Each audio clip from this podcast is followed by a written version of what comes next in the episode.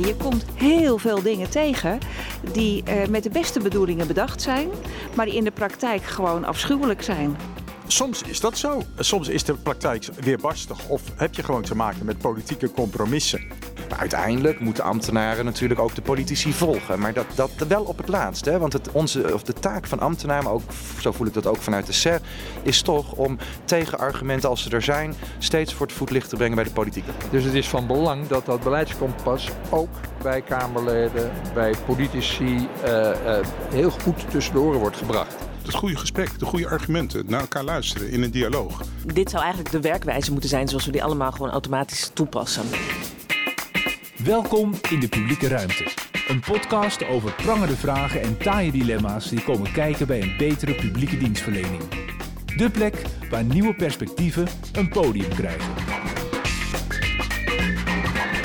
Welkom, welkom in de publieke ruimte. Een nieuwe aflevering met een line-up, Otto, waar menig programma volgens mij eh, jaloers op zou zijn. Ja, ja, zeker. Wat dacht je van de voorzitter van het Nederlands Genootschap van Burgemeester en tevens lid van het VNG-bestuur, een Kamerlid, de voorzitter van de Sociaal-Economische Raad, de vicepresident van de Raad van State en als bonus ook nog twee ministers. Ja, en niet in de laatste plaats Lucien Weide en Abdel Oraki, want zonder hun inzet was het eh, hoofdthema van deze uitzending nooit tot stand gekomen. Het beleidskompas. Otto, we gaan het hier hebben over uh, het beleidskompas pas. Maar even voor de luisteraars die geen idee hebben, wat is dat precies? Ik, eh, ik ga even de tekst citeren van de site. Uh, het is als volgt. Het beleidskompas is de centrale werkwijze voor het maken van beleid bij de Rijksoverheid en vervangt het Integraal Afwegingskader voor Beleid en Regelgeving, het IAK. Zodra je aan de slag gaat met een maatschappelijke opgave, herziening van bestaand beleid of een nieuw beleidsdossier, start je met het beleidskompas. Alles wat essentieel is voor een goede beleidsvoorbereiding zit in het beleidskompas. Het beleidskompas biedt een verbeterde structuur met vijf stappen om beleid te ontwikkelen. Nou, nou duidelijk. Om door een ringetje te halen. Uh, Lucien en Abdel die gaan daar heel veel meer over vertellen. Welkom allebei hier aan tafel. op 29 maart werd het officieel gelanceerd tijdens de Dag van Beleid. Ehm, wij waren er ook allebei bij. En Lucien, jij, jij bent projectleider van het Beleidskompas. En Abdel inhoudelijk ook verantwoordelijk. Hoe heb jij die dag ervaren, de Dag van Beleid? Nou, het was een fantastische dag. Ehm, we hadden, nou ja, zoals je al zei, geweldige sprekers te gast.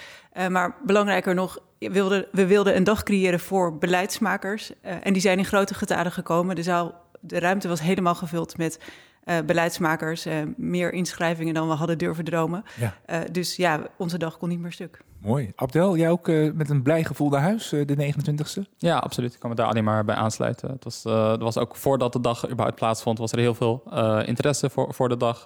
lange wachtlijst. En op de dag zelf nou ja, is het allemaal goed verlopen. Dus ja. Hey, wij zijn op de dag van beleid met verschillende mensen in gesprek gegaan over dat kompas. En uh, over, over, hoe je als ambtenaar zo goed mogelijk je werk kunt doen in soms uh, een weerbarstige politieke realiteit. Toch, Martijn? Ja, ja die dag die begon met een uh, optreden van minister Frank Weerwind voor rechtsbescherming en Carola Schouten, de minister voor armoedebeleid, participatie en pensioenen. Zij lanceerde officieel het beleidskompas. Wij spraken de twee na afloop van hun optreden. En ik kwam nog even terug bij minister Weerwind op het feit dat hij in zijn betoog had aangegeven best wel behoefte te hebben aan eigenwijze ambtenaren. Wat bedoelde hij daar eigenlijk mee? Eh, vanuit je professionaliteit mag je af en toe eh, even vooruitdenken en terugdenken en ook even over de grenzen heen denken. Wat betekent het voor de uitvoering? Wat betekent het eh, voor de samenleving zelf, voor de mensen voor wie je het doet, de doelgroep? En dat is mooi. Dat gesprek, die dialoog moet je altijd aangaan met elkaar. Met elkaar als ambtenaren, maar ook met de bewindspersoon. Er zijn nog wel eens ambtenaren die zeggen: Ik vind het ingewikkeld hè, om, om tegenspraak te leveren, om tegen beleid, tegen wensen van bewindspersonen in te gaan. En eigenlijk hebben jullie allebei gezegd: van, Kom maar. natuurlijk. Het goede gesprek, de goede argumenten, naar elkaar luisteren in een dialoog. Daar gaat het over. Want we werken voor de Nederlandse samenleving. Daar mogen we voor werken. Dat is een van de mooiste doelen. Ja. Nou zei uw collega, het zou mooi zijn als we over een paar jaar van dat beleidskompas af zijn. Dan kan die worden afgeschaft. Wat, wat, wat denkt u dan? Nou, dit is een hulpmiddel, dit is een instrument. Het mooie is als het in de hoofd, in het gedrag, in het zijn van beleidsvormers zit. En dat het wordt doorgegeven aan volgende generatie beleidsvormers. En dat we ook beseffen van wat voor mooie taak het is dat je mag werken voor Nederland en de Nederlanders. Ja, een instrument, het is niet uh, een, een boekje van uh, zo doen en klaar. Nee, je moet denk ik juist altijd zelf blijven nadenken, ook in dit soort zaken. En, en, het, ehm, en dan is het beleidskompas echt een heel handig instrument. Maar inderdaad, mijn opmerking was erop gericht om te zeggen... eh, eh, als, dit zou eigenlijk de werkwijze moeten zijn zoals we die allemaal gewoon automatisch toepassen. Maar dat vraagt dat je ook eh, vrijheid ervaart om dat te doen. Ook van, vanuit je organisatie, vanuit je leidinggevende. Ehm, maar ook eh, dat we ook inderdaad het gesprek met de politiek daar goed over voeren. wil niet zeggen dat, dat dan altijd wat jij denkt wat het beste is dat dat gebeurt. Uiteindelijk zitten er ook, uit, ook altijd weer keuzes achter van de bewindspersoon van, van de Tweede Kamer. Maar daarbinnen moet je ook echt de vrijheid hebben om, om wel je mening te geven. En ik hoop dat we dat ook verder brengen met het beleidskompas. U zei ook net allebei, je staat soms onder grote politieke druk. En dan, dan wil je soms dingen erdoor drukken, terwijl ja, je wil ook even dat, dat, die, die tegenspraak. Wat, kun, wat voor tips heeft u aan collega-bewindspersonen? Want het komt eigenlijk van twee kanten. De beleidskompas is natuurlijk aan de ene kant voor de, de, de beleidsmedewerkers, maar aan de andere kant vraagt het ook iets van de opstelling, denk ik, van bewindspersonen. Wat voor tips heeft u voor uw collega's dan hierin? Altijd de rust bewaren. Het geheel proberen te overzien het goede gesprek aangaan. Luisteren naar elkaars argumenten. Luisteren van hoe past dat binnen het geheel. Is het tegenstrijdig met voorgaand beleid? Ja, nee. Wat voor effect heeft het? Nogmaals, terughalen. En dan via dat gesprek moet je naar elkaar leren luisteren. Dat is het allerbelangrijkste. Dan kom je altijd op goede oplossingen. De gouden tip van Carole Schouten? Uh, betrek ook de uitvoering erbij. Uh, want dat vergeten we heel vaak. Ik zei het al, de dag van het beleid. Ik, ik, de volgende keer moet de dag van beleid en uitvoering heten. Want als beleid iets bedenkt wat niet uitvoerbaar is, of de uitvoering ergens tegenaan loopt en het land niet bij beleid, ja, dan, dan kunnen we dit soort dagen heel lang blijven houden met elkaar. Maar dan gaat de volgende stap niet komen. Dus uh, vergeet echt die uitvoering niet. Uh, en maak ook gebruik van, van de inzichten die zij hebben. En zorg dat het op het bureau van de bewindspersoon komt. Want dan kan je ook echt zelf al verbeteringen zien die nodig zijn. Uh, zonder dat er eerst een incident hoeft plaats te vinden. En lukt het als er echte druk ontstaat? Dat is best lastig, uh, tuurlijk. En, en, uh, alleen ik zie druk ook altijd maar als een soort oproep van uh, neem het nou serieus. Druk is niet van moet ik me nou verantwoorden bij de Kamer. Uiteindelijk sta je daar voor het volk. Je staat er voor, voor het land uit te leggen welke keuzes je maakt. En daar moet je debat over hebben, want dat is niet één keuze altijd. het is altijd omgeven door dilemma's. maar als je dat doet, dan kun je ook echt met elkaar verder zoeken naar oplossingen. Uh, en dan kan de druk groot zijn, maar als je een goed verhaal hebt, dan, uh, ja, dan uh, moet je aan de ene kant openstaan voor het tegenverhaal. Maar als je ervan overtuigd bent dat het op deze manier kan, dan ga er gewoon nog voor staan. Ja, ga er gewoon voor staan.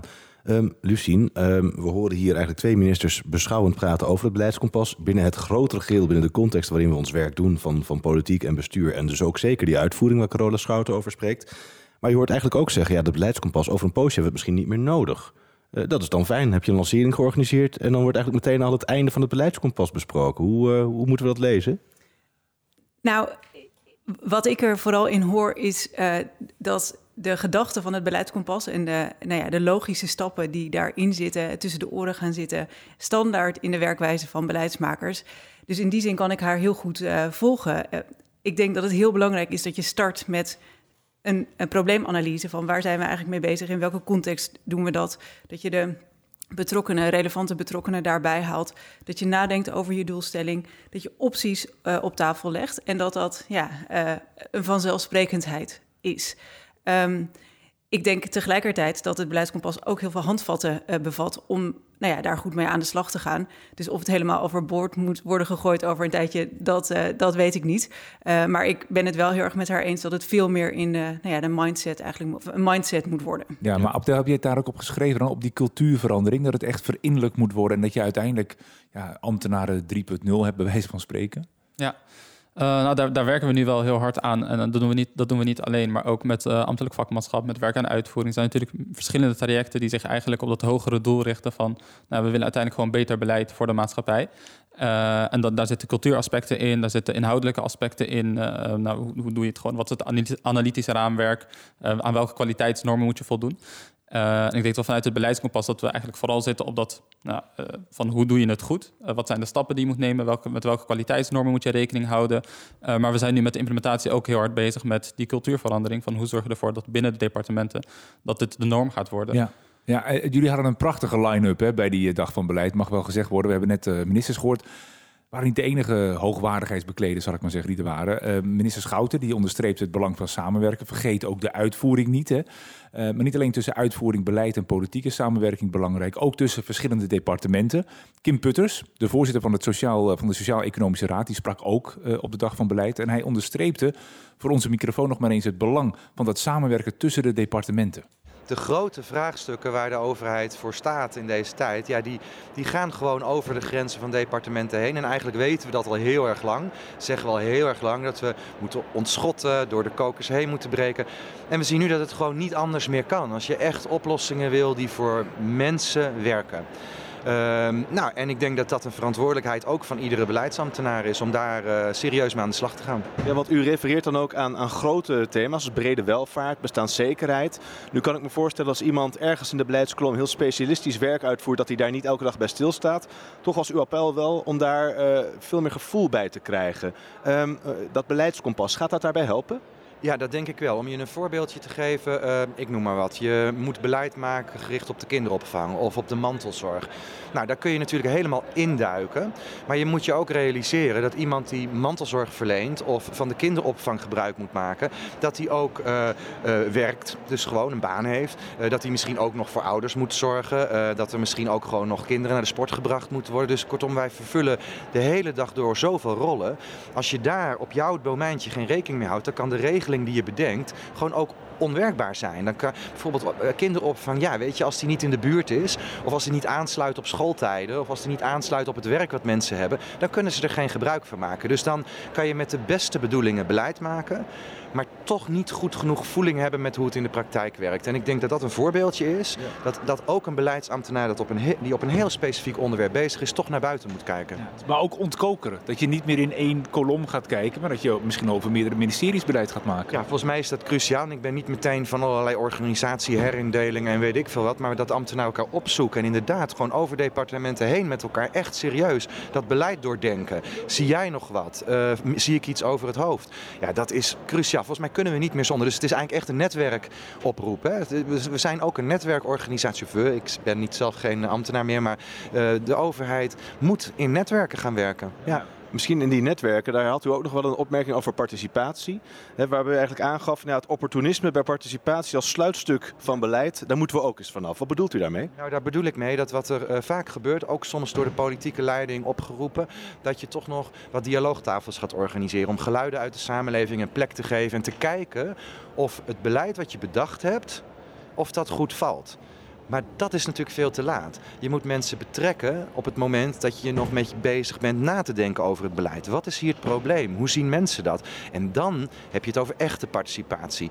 Dus ik vind je moet ook uh, geen teleurstellingen organiseren bij mensen die denken dat ze invloed kunnen hebben, terwijl eigenlijk alleen nog maar even getoetst wordt. Goh, uh, kunnen ze ermee uit de voeten? En dat noem ik een beetje opportunistisch. Aan het einde van de rit toch nog even de burger betrekken. Ja, en de vraag, Otto, dat vind ik ook wel interessant wat u zei. Uh, be betrek de juiste burgers. Ze gaan niet alleen maar op die flanken kijken maar ga juist naar die brede middengroep. Er zijn heel veel mensen die uh, natuurlijk niet vooraan staan. Uh, die overigens ook de hele dag door wel andere dingen te doen hebben dan met beleid bezig zijn. Maar die wel een belang hebben en die wel een opvatting en een mening hebben. Kijk, mensen die echt heel erg tegen iets zijn of heel erg voor iets zijn, die horen we meestal wel. In de media, op televisie, op de social media. Maar precies die mensen die genuanceerd zijn en die het heel druk hebben, ja, die moet je opzoeken. Uh, en dat zijn er heel veel in Nederland. Dus we moeten oppassen dat we niet beleid continu maar in tegenpolen aan het maken zijn. Terwijl een hele groep, grote groep Nederlanders uh, eigenlijk bij staat te kijken en niet bediend wordt. Maar vraagt de politiek daar niet gewoon om? Dus dat beleid in die tegenpolen? Ja, uh, ik denk dat uh, de politieke arena uh, veel te veel in tegenstellingen denkt en spreekt met elkaar. Ik heb in mijn jaren bij het Sociaal en Cultureel Planbureau in bijna ieder onderzoek gezien dat er zo'n 40, 45 procent van de Nederlanders denkt van nou ja, die heeft wel gelijk, maar die ook een beetje. En laten we nou de middenweg zoeken in ons land. Ja, ik denk dat politiek uiteindelijk ook bedoeld is om de gulden middenweg met elkaar te vinden. Ja, waar begint het dan eigenlijk? Bij beleid, bij politiek, bij uitvoering, bij wetgeving? Nou, het is natuurlijk het, samenspel daartussen. Kijk, de, de, het beleid moet ook de politiek scherp houden. Dus je moet wel, dat heb ik ook gezegd in mijn speech, tot het laatste moment de politiek willen tegenspreken met goede argumenten. Maar uiteindelijk moeten ambtenaren natuurlijk ook de politici volgen. Maar dat, dat wel op het laatst. Hè? Want het, onze, of de taak van ambtenaren, maar ook, zo voel ik dat ook vanuit de SER, is toch om tegenargumenten als ze er zijn, steeds voor het voetlicht te brengen bij de politiek. Dat is een wisselwerking. Dus ja, waar begint het? Uh, dit moet in een goede dialoog zitten. Uh, vanuit uh, respect voor elkaars positie, maar ook wel gelijkwaardig. De een staat niet boven de ander. Maar in die end, in onze parlementaire democratie, beslist de politiek. En dat moet ook voor iedereen helder zijn. Ja, Kim Putters, die, die geeft ons eigenlijk het hele speelveld mee. Uh, Abdel, uh, als je kijkt naar het beleidskompas en je gaat het dan hebben bijvoorbeeld over die participatie, die volgens Putters op een aantal punten wat opportunistisch wordt ingevlogen momenteel. Was dat nog een, een, discussie toen jullie met dat beleidskompas aan de slag gingen om de positie van participatie daarin te bepalen? Want het klinkt zo vrolijk, hè? een beetje knuffelen met burgers als je het niet heel erg oppast. Maar wanneer wordt het nou constructief en zinvol? Ja, nou dat, dat is een van de grote onderwerpen, denk ik, in het beleidskompas, die we ook nu anders doen dan hoe dat in het IAK was geregeld. Dus uh, uh, het betrekken van de belanghebbenden, zoals we dat noemen, dat, dat nemen we heel breed. Uh, dat staat eigenlijk centraal in het beleidskompas. Dat is niet iets wat je op een gegeven moment ergens aan het einde doet, maar dat is iets eigenlijk wat je in elke fase opnieuw doet. Dus bij de probleemanalyse, wanneer je het doel vaststelt, wanneer je de verschillende keuzes, uh, verschillende opties overweegt, wanneer je naar de gevolgen kijkt, telkens kijken van oké, okay, wie moet ik hierbij betrekken? Dat kan de uitvoering zijn, maar dat kunnen ook de burgers zijn, maatschappelijk middenveld, toezicht um, en ga zo verder. Was er lange adem trouwens dit uh, proces, Lucien?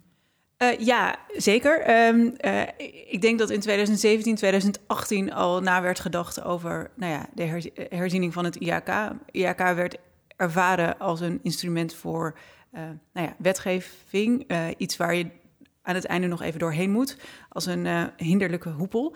Um, het IAK is trouwens het integraal afwegingskader. Hè? Dus in de categorie meest sexy overheidsnaam doet deze absoluut mee voor de knikkers. Maar het IAK? Het IAK.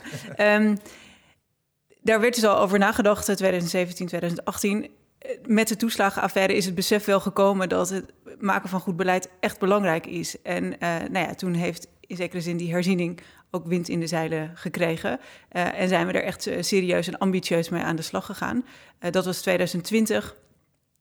nou ja, en we zitten nu in 2023. dus dat kost gewoon tijd. Het kost ook tijd om mensen mee te krijgen. Dat je daar goed met elkaar over nadenkt. Hoe zetten we dat neer met elkaar? Dat is niet iets waar je over één dag, over één nacht ijs over gaat.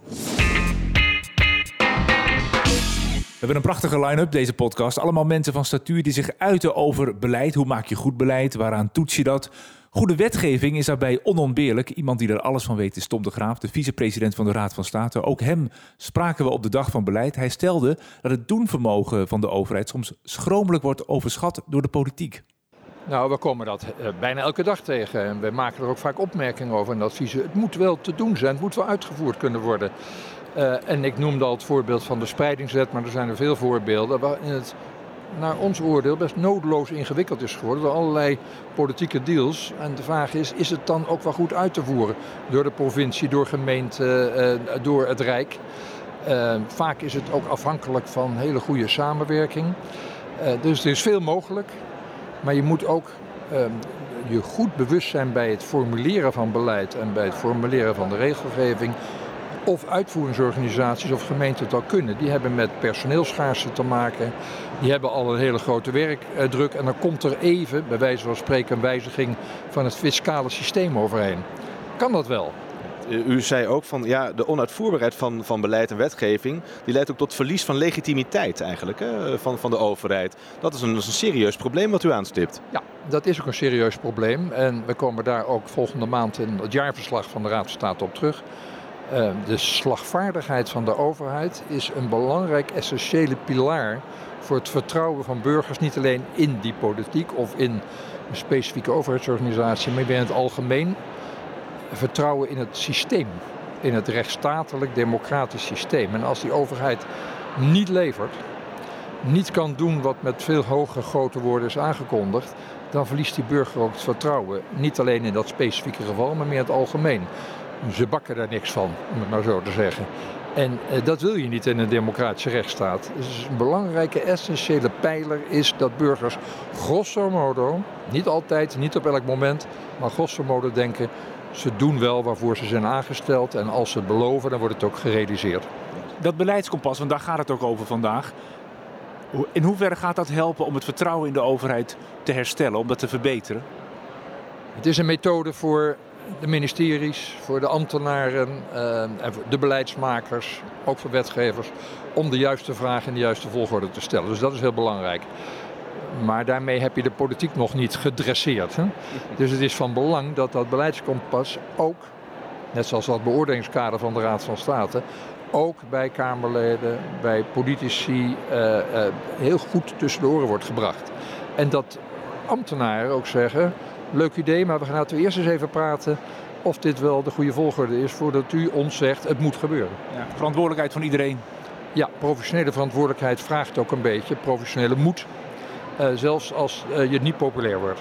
Ja, Ton de Graaf zegt de legitimiteit van de overheid is in het gedrang. Eh Lucine, als de, de vicepresident van de Raad van State zoiets zegt, dan is er wel iets aan de hand, of niet? Nou, dat is wel. Ik denk dat we daaraan werken. ehm, eh, dat we als ambtenaar werken voor de maatschappij. En dat je dat ook altijd voor ogen zou moeten hebben eh, bij het maken en voorbereiden van beleid.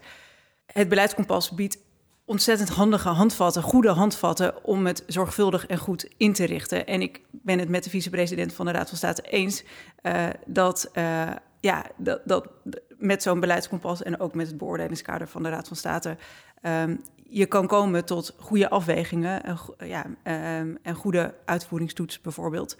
Ehm, en als dan blijkt dat iets niet werkt, ja, dan moet je dat ook op tafel durven leggen. Ja, precies. En heeft die Raad van State eigenlijk ook meegedacht over de inhoud van het beleidskompas, Abdel? Ehm, nou, niet- actief meegedacht zou ik zeggen, maar we hebben wel eh, nou, gesproken met hen ook eh, in het kader van het nieuwe beoordelingskader en, en het beleidskompas en de raakvlakken daartussen. Dus eh, er is zeker wel contact. Hij, hij had het over professionele moed. Eh, als ik even kijk naar het beleidskompas, dat is een, eh, een soort van stappenplan. Hè? Eh, Wat is het probleem? Wat is het beoogde doel? Wat zijn opties om het doel te realiseren? Wat zijn de gevolgen van deze opties? En wat zijn dan vervolgens de, de voorkeursopties? Eh, is die professionele moed, is dat dan met dat beleidskompas in de hand? Kun je dan zeggen, nou Vink, ik ben nu bij stap 3, minister, eh, dit zijn de opties. Eh, en en hoe, hoe lastig is het dan om die dan vervolgens voor te leggen? Hoe, ervaar jij dat? Ja, nou, ik denk dat de beleidskompas in- inderdaad wel helpt bij die professionele moed. eh, in, in die zin dat eh, ik denk op twee manieren. Eén is de beleidskompas ehm, ehm, eh, helpt heel erg om te beginnen bij het maatschappelijk vraagstuk, bij het probleem. En niet bij de aanleiding. Eh, bijvoorbeeld, eh, nou, er staat in het regeerakkoord, we gaan een wet maken om dit op te lossen, dus we gaan een wet maken.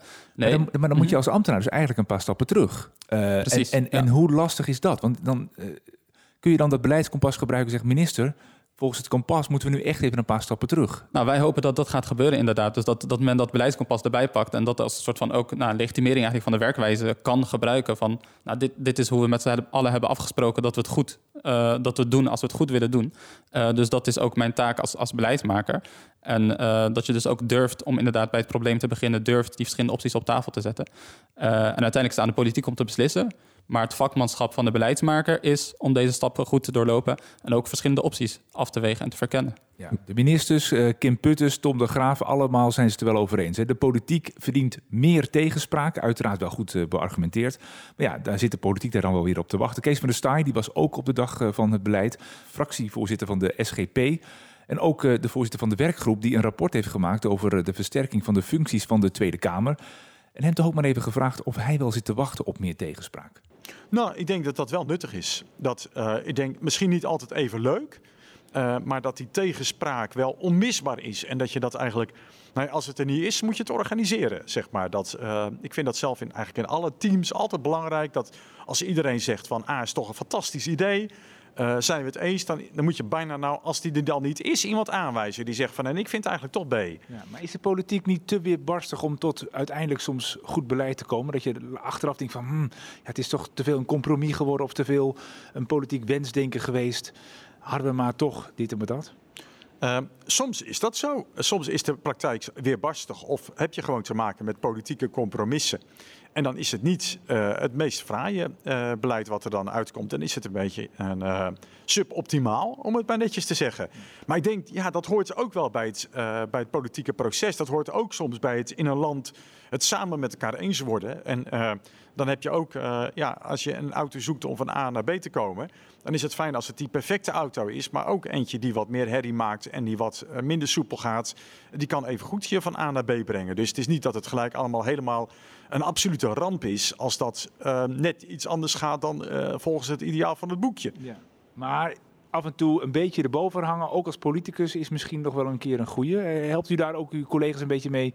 Ja, spoort u uw collega's daar ook mee aan om dat te doen? Nou, waar wij in ieder geval ook toe aansporen, met elkaar ook extra vanuit de Kamer hebben gezegd, daar willen wij werk van maken. Om ook als wij moties hebben en amendementen hebben, niet alleen te kijken, kan het juridisch? Uh, is er een mooie rechtsregel van te maken die ergens in het wetboek past? Maar is het ook uitvoerbaar? En is het ook doenbaar uh, voor de mensen die hiermee te maken krijgen? Dus uh, die toets die moet je eigenlijk steeds maken. Maar ook wel, dat vind ik ook, waar we als Kamer ook wel zeker winst kunnen boeken, is, ik vind dat nu evaluaties van wet- en regelgeving, dat is te vaak nog nou, uitbesteed aan universiteiten. En die, uh, op een gegeven moment komt er een stoeptegel van. En het kabinet zegt dan, met een dik onderzoek, het kabinet zegt dan... nou, we gaan er over een paar weken nog een brief over schrijven wat wij ermee gaan doen. En dan merk je, dan heb je daar een kort debatje over, dan is het te weinig verinnerlijkt. Ik vind dat wij eigenlijk meer als Kamer ook nog, los van een werkbezoekje hier en daar, systematischer ook gewoon moeten blijven volgen. Zeker als medewetgever. Uh, ook uh, maar wat betekent deze wet of, deze beleid, of dit beleid nu in de praktijk?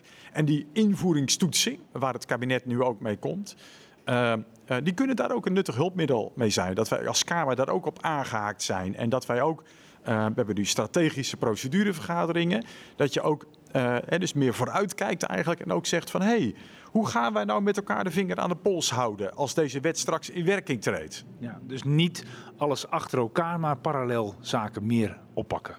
Precies, dat is inderdaad een mooie samenvatting. En het blijven volgen. Ook niet inderdaad Hè, zoals in de beleidskompas eigenlijk ook staat. Het is niet een lineair proces van we hebben iets afgerond als, als het ergens mooi op papier staat. Maar het is een cyclisch proces. Je moet steeds weer kijken van hoe pakt dat in de praktijk uit en daarop bijsturen.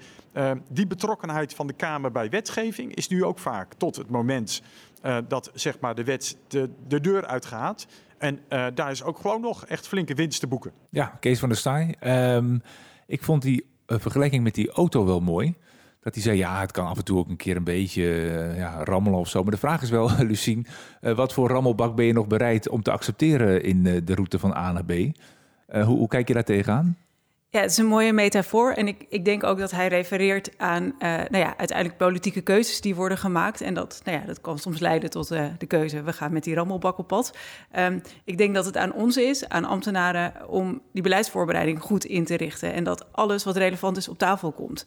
Um, en dan moet het aan de politiek zijn om daarin keuzes te maken. En ja, wij zijn geen politici, dus wij, uh, wij laten die keuzes ook over aan hen. Um, maar nogmaals, ik denk dat het heel erg belangrijk is dat de relevante informatie over uitvoerbaarheid, over kunnen burgers dit aan, uh, wat verwachten we aan uh, nou ja, effecten van, uh, van bepaald beleid, dat dat op tafel komt en dat er gedegen afwegingen kunnen worden maar gemaakt. Ik, ik, kan me voorstellen dat je als beleidsmedewerker soms een, een prachtige SUV, fonkelnieuw van de band kunt laten lopen en dan wordt het uiteindelijk een Lada, zo'n rammelende Lada. En die rijdt ook wel, maar dat frustreert dan Abdel. Uh, ja, ik kan me voorstellen dat het frustreert. Uh, tegelijkertijd ja, is, is, is natuurlijk je verantwoordelijkheid, zoals Lucien zei, uh, is om, om nou, die SUV als het ware, die, die mooie SUV te presenteren. Uh, en nou, als de politicus dan uiteindelijk anders besluit, dan heb je als ambtenaar kun je daar weinig aan doen. Maar wat wel je verantwoordelijkheid is, om, is om te voorkomen eigenlijk dat je de LADA presenteert. Of dat wanneer de politiek de LADA voorstelt, dat je dan als beleidsambtenaar wel signaleert, dat signaal durft te geven van jongens, dit, dit is een rammelbak uh, die misschien onderweg van A naar B het opgeeft. Ja. Dus let hierop. Ja, ja ik, ik, moest eigenlijk denken bij de metafoor van de auto... dat we ook auto's bouwen met 14 wielen of met 12 achteruitkijkspiegels... of dat er geen dak op zit of, of, of 38 stoelen of juist geen... daar moet je ook in het beleidskompas misschien op wijzen. Hè? De, de nadelige gevolgen van bepaalde moties, van bepaalde amendementen. Zit dat hier ook in? Maar houdt het beleidskompas ook voldoende rekening met die politieke weerbarstigheid? Ehm, het, houdt in ieder geval zeker rekening met de nadelige, mogelijke nadelige gevolgen van, uh, van beleid. Dat is ook een van, een van de hoofdvragen. Wat zijn de gevolgen? Uh, en daarin hebben we ook een, een, uh, nou, nieuwe gevolgenscan ontwikkeld. Dat is ook nieuw, waarin we op basis van brede welvaart, op basis van de Sustainable Development Goals, eigenlijk in den brede kijken naar wat zijn de mogelijke gevolgen van dit beleid. En ook heel specifiek, we hoorden het Kim Putters ook zeggen, buiten ook, ook over je eigen domein heen kijken. Want heel vaak zijn er ook nadelige gevolgen die je niet verwacht, die, die helemaal nou, misschien niks te maken hebben met jouw beleidsterrein, maar die wel uh, een grote impact kunnen hebben op de samenleving. Oké, heel goed. Hey, we hebben tot nu toe vooral mensen gehoord die vanuit hun rol goed kunnen beschouwen, een adviezen kunnen geven, een aanzetten kunnen geven voor nieuw beleid. Maar hoe kijkt iemand die nou dagelijks met de voeten in de klei zit er tegenaan? Wij spraken ook met Lisbeth Spies en zij is burgemeester van Alphen aan de Rijn. Ze is lid van het VNG-bestuur en voorzitter van het Nederlands Genootschap van Burgemeesters. En ze heeft dus dagelijks te maken met goed bedoeld beleid.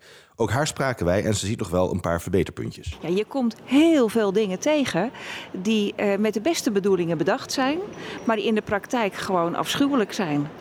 Uh, we hebben recent verkiezingen gehad, 15 maart. Ik weet niet of jullie bij benadering jezelf een voorstelling kunnen maken van de papierwinkel die dat vraagt. Echt karren, vrachten vol bomen uh, die nodig zijn om dat allemaal op papier ook nog een keer uit te drukken. Echt te bizar voor woorden.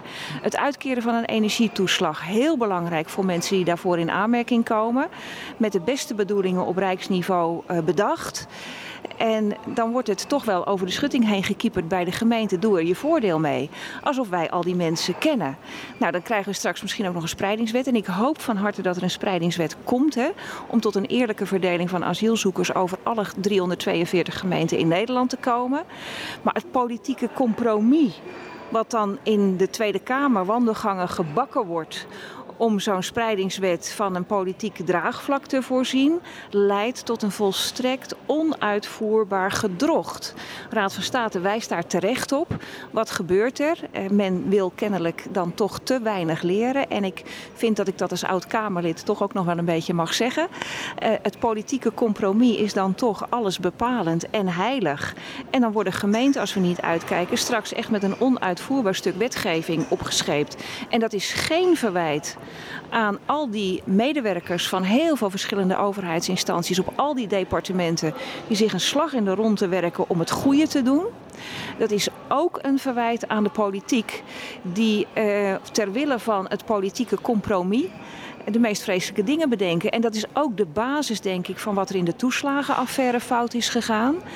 Uh, dat is ook in heel veel gevallen, kijk naar de wetverplichte GGZ, nog zo'n voorbeeld, waar heel veel bureaucratie aan is toegevoegd. En bijvoorbeeld een hoorplicht voor burgemeesters is geïntroduceerd, waarvan iedereen vanaf het begin af aan heeft gezegd: dat ding gaat niet werken. We evalueren, dat ding blijkt niet te werken. En ik hoop dan toch echt dat politiek Den Haag zich ook een keer door argumenten wil laten overtuigen dat dingen anders en beter kunnen. Maar dan hoor ik je eigenlijk zeggen, daar helpt geen lieve beleidskompas tegen. Dat die politiek moet zich gewoon aanpassen. Nou, dat beleidskompas is natuurlijk ook van belang. Uh, want ook uh, medewerkers in departementen die kunnen uh, dingen nog beter doen.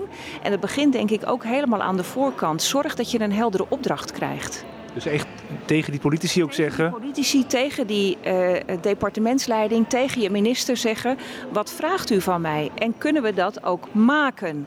He, uh, dat goede, die goede dialoog op al die tafels in al die departementen moet daar plaatsvinden. Met de deuren dicht, wat mij betreft, om elkaar ook echt de nieren te proeven. En als je beleidsmaker bent en je weet dat je een wet gaat maken die door gemeenten uitgevoerd gaan worden. Ga dan eens een keer een weekje meelopen op zo'n gemeentehuis.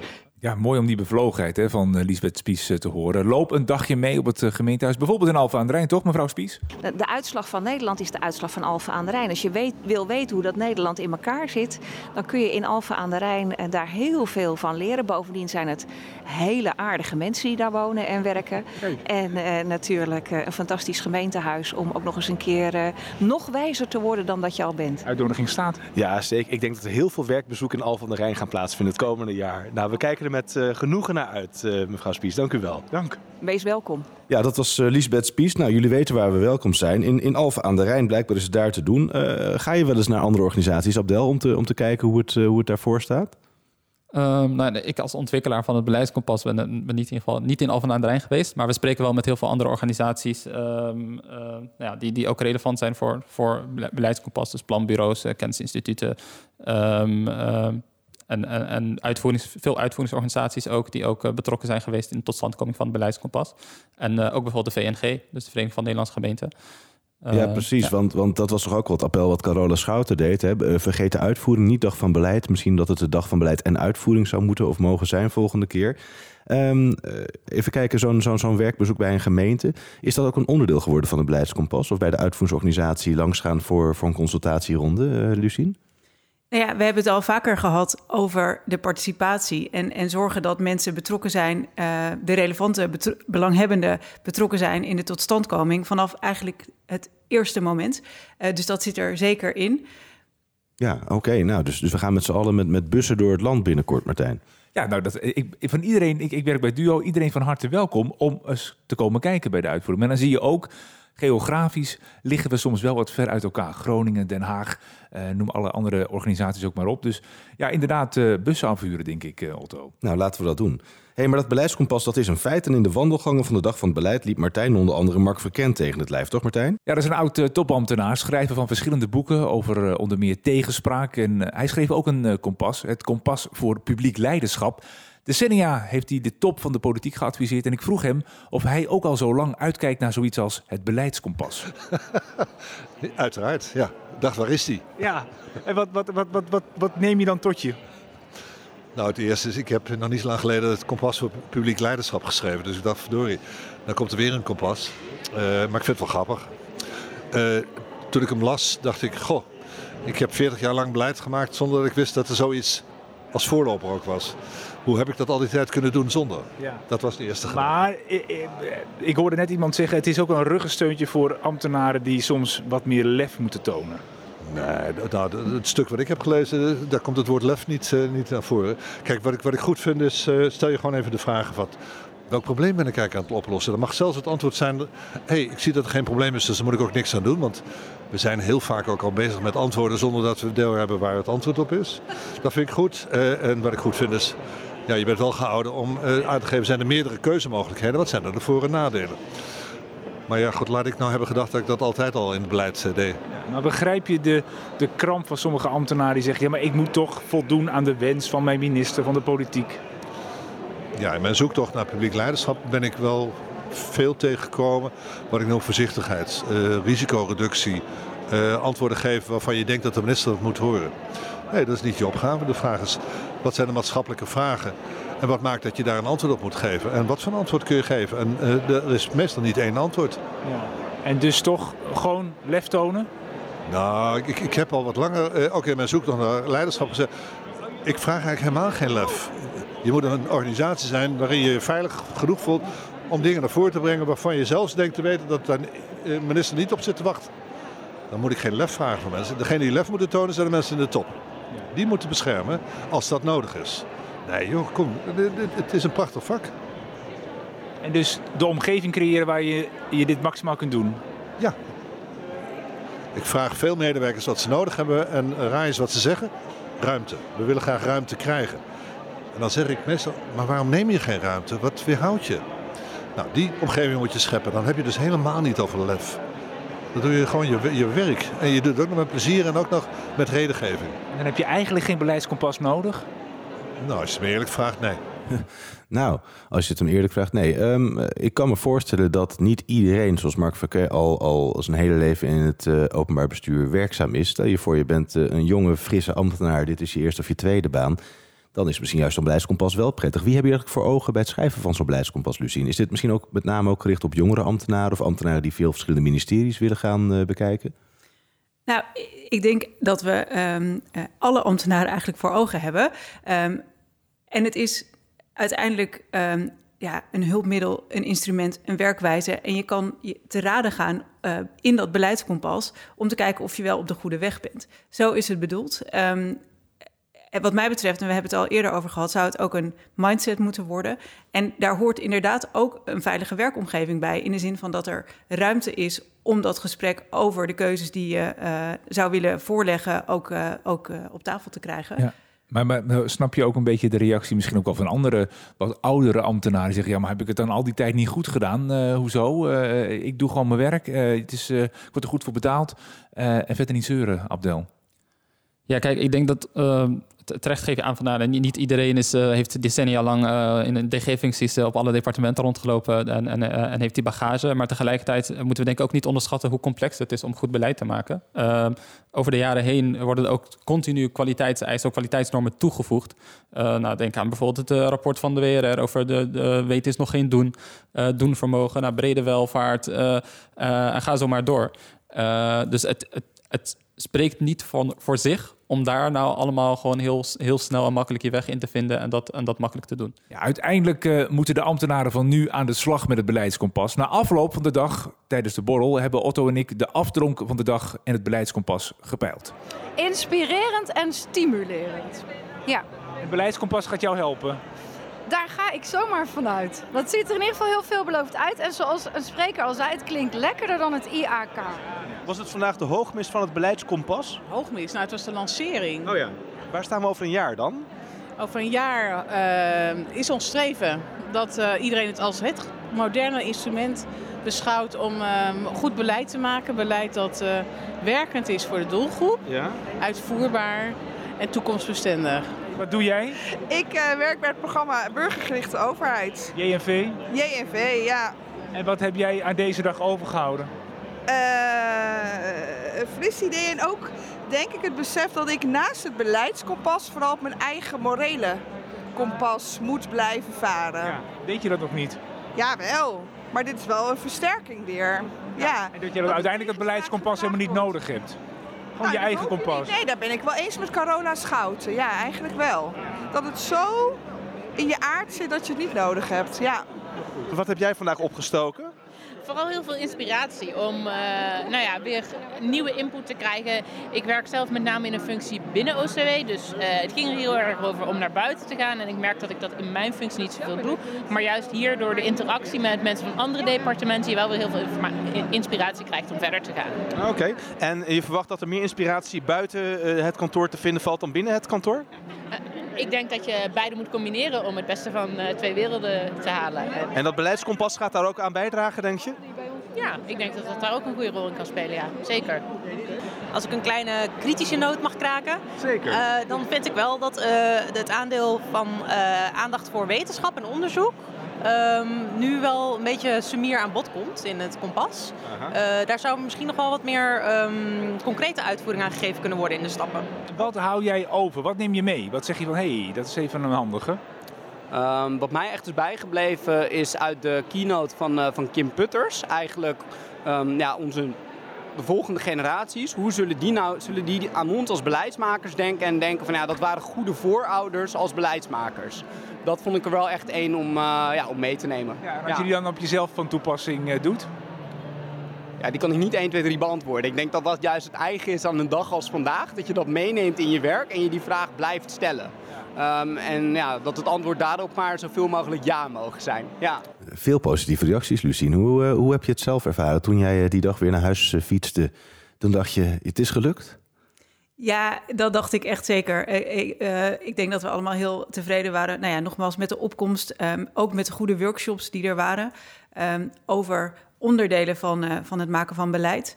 Uh, de reactie, een van de kritische noten die we net ook hoorden, gaat over, ging over nou ja, het betrekken van kennis in het beleid maken.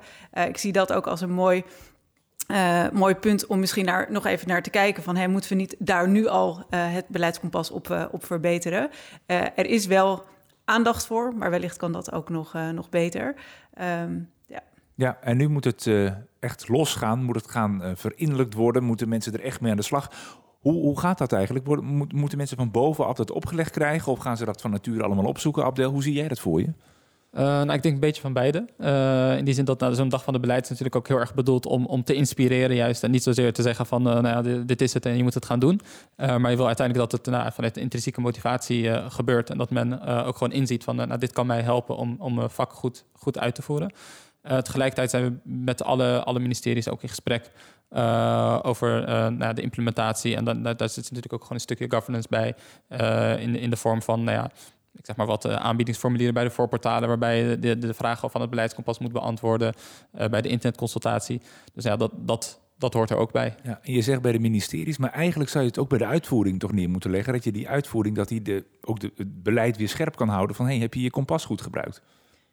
Absoluut. Ja, ik denk dat het uh, gaat om een dialoog uh, vanaf het begin af aan. En dat de uitvoering uh, daar zeker ook een belangrijke rol in kan gaan spelen. Hè? Van, we zijn er, we willen graag met jullie in gesprek.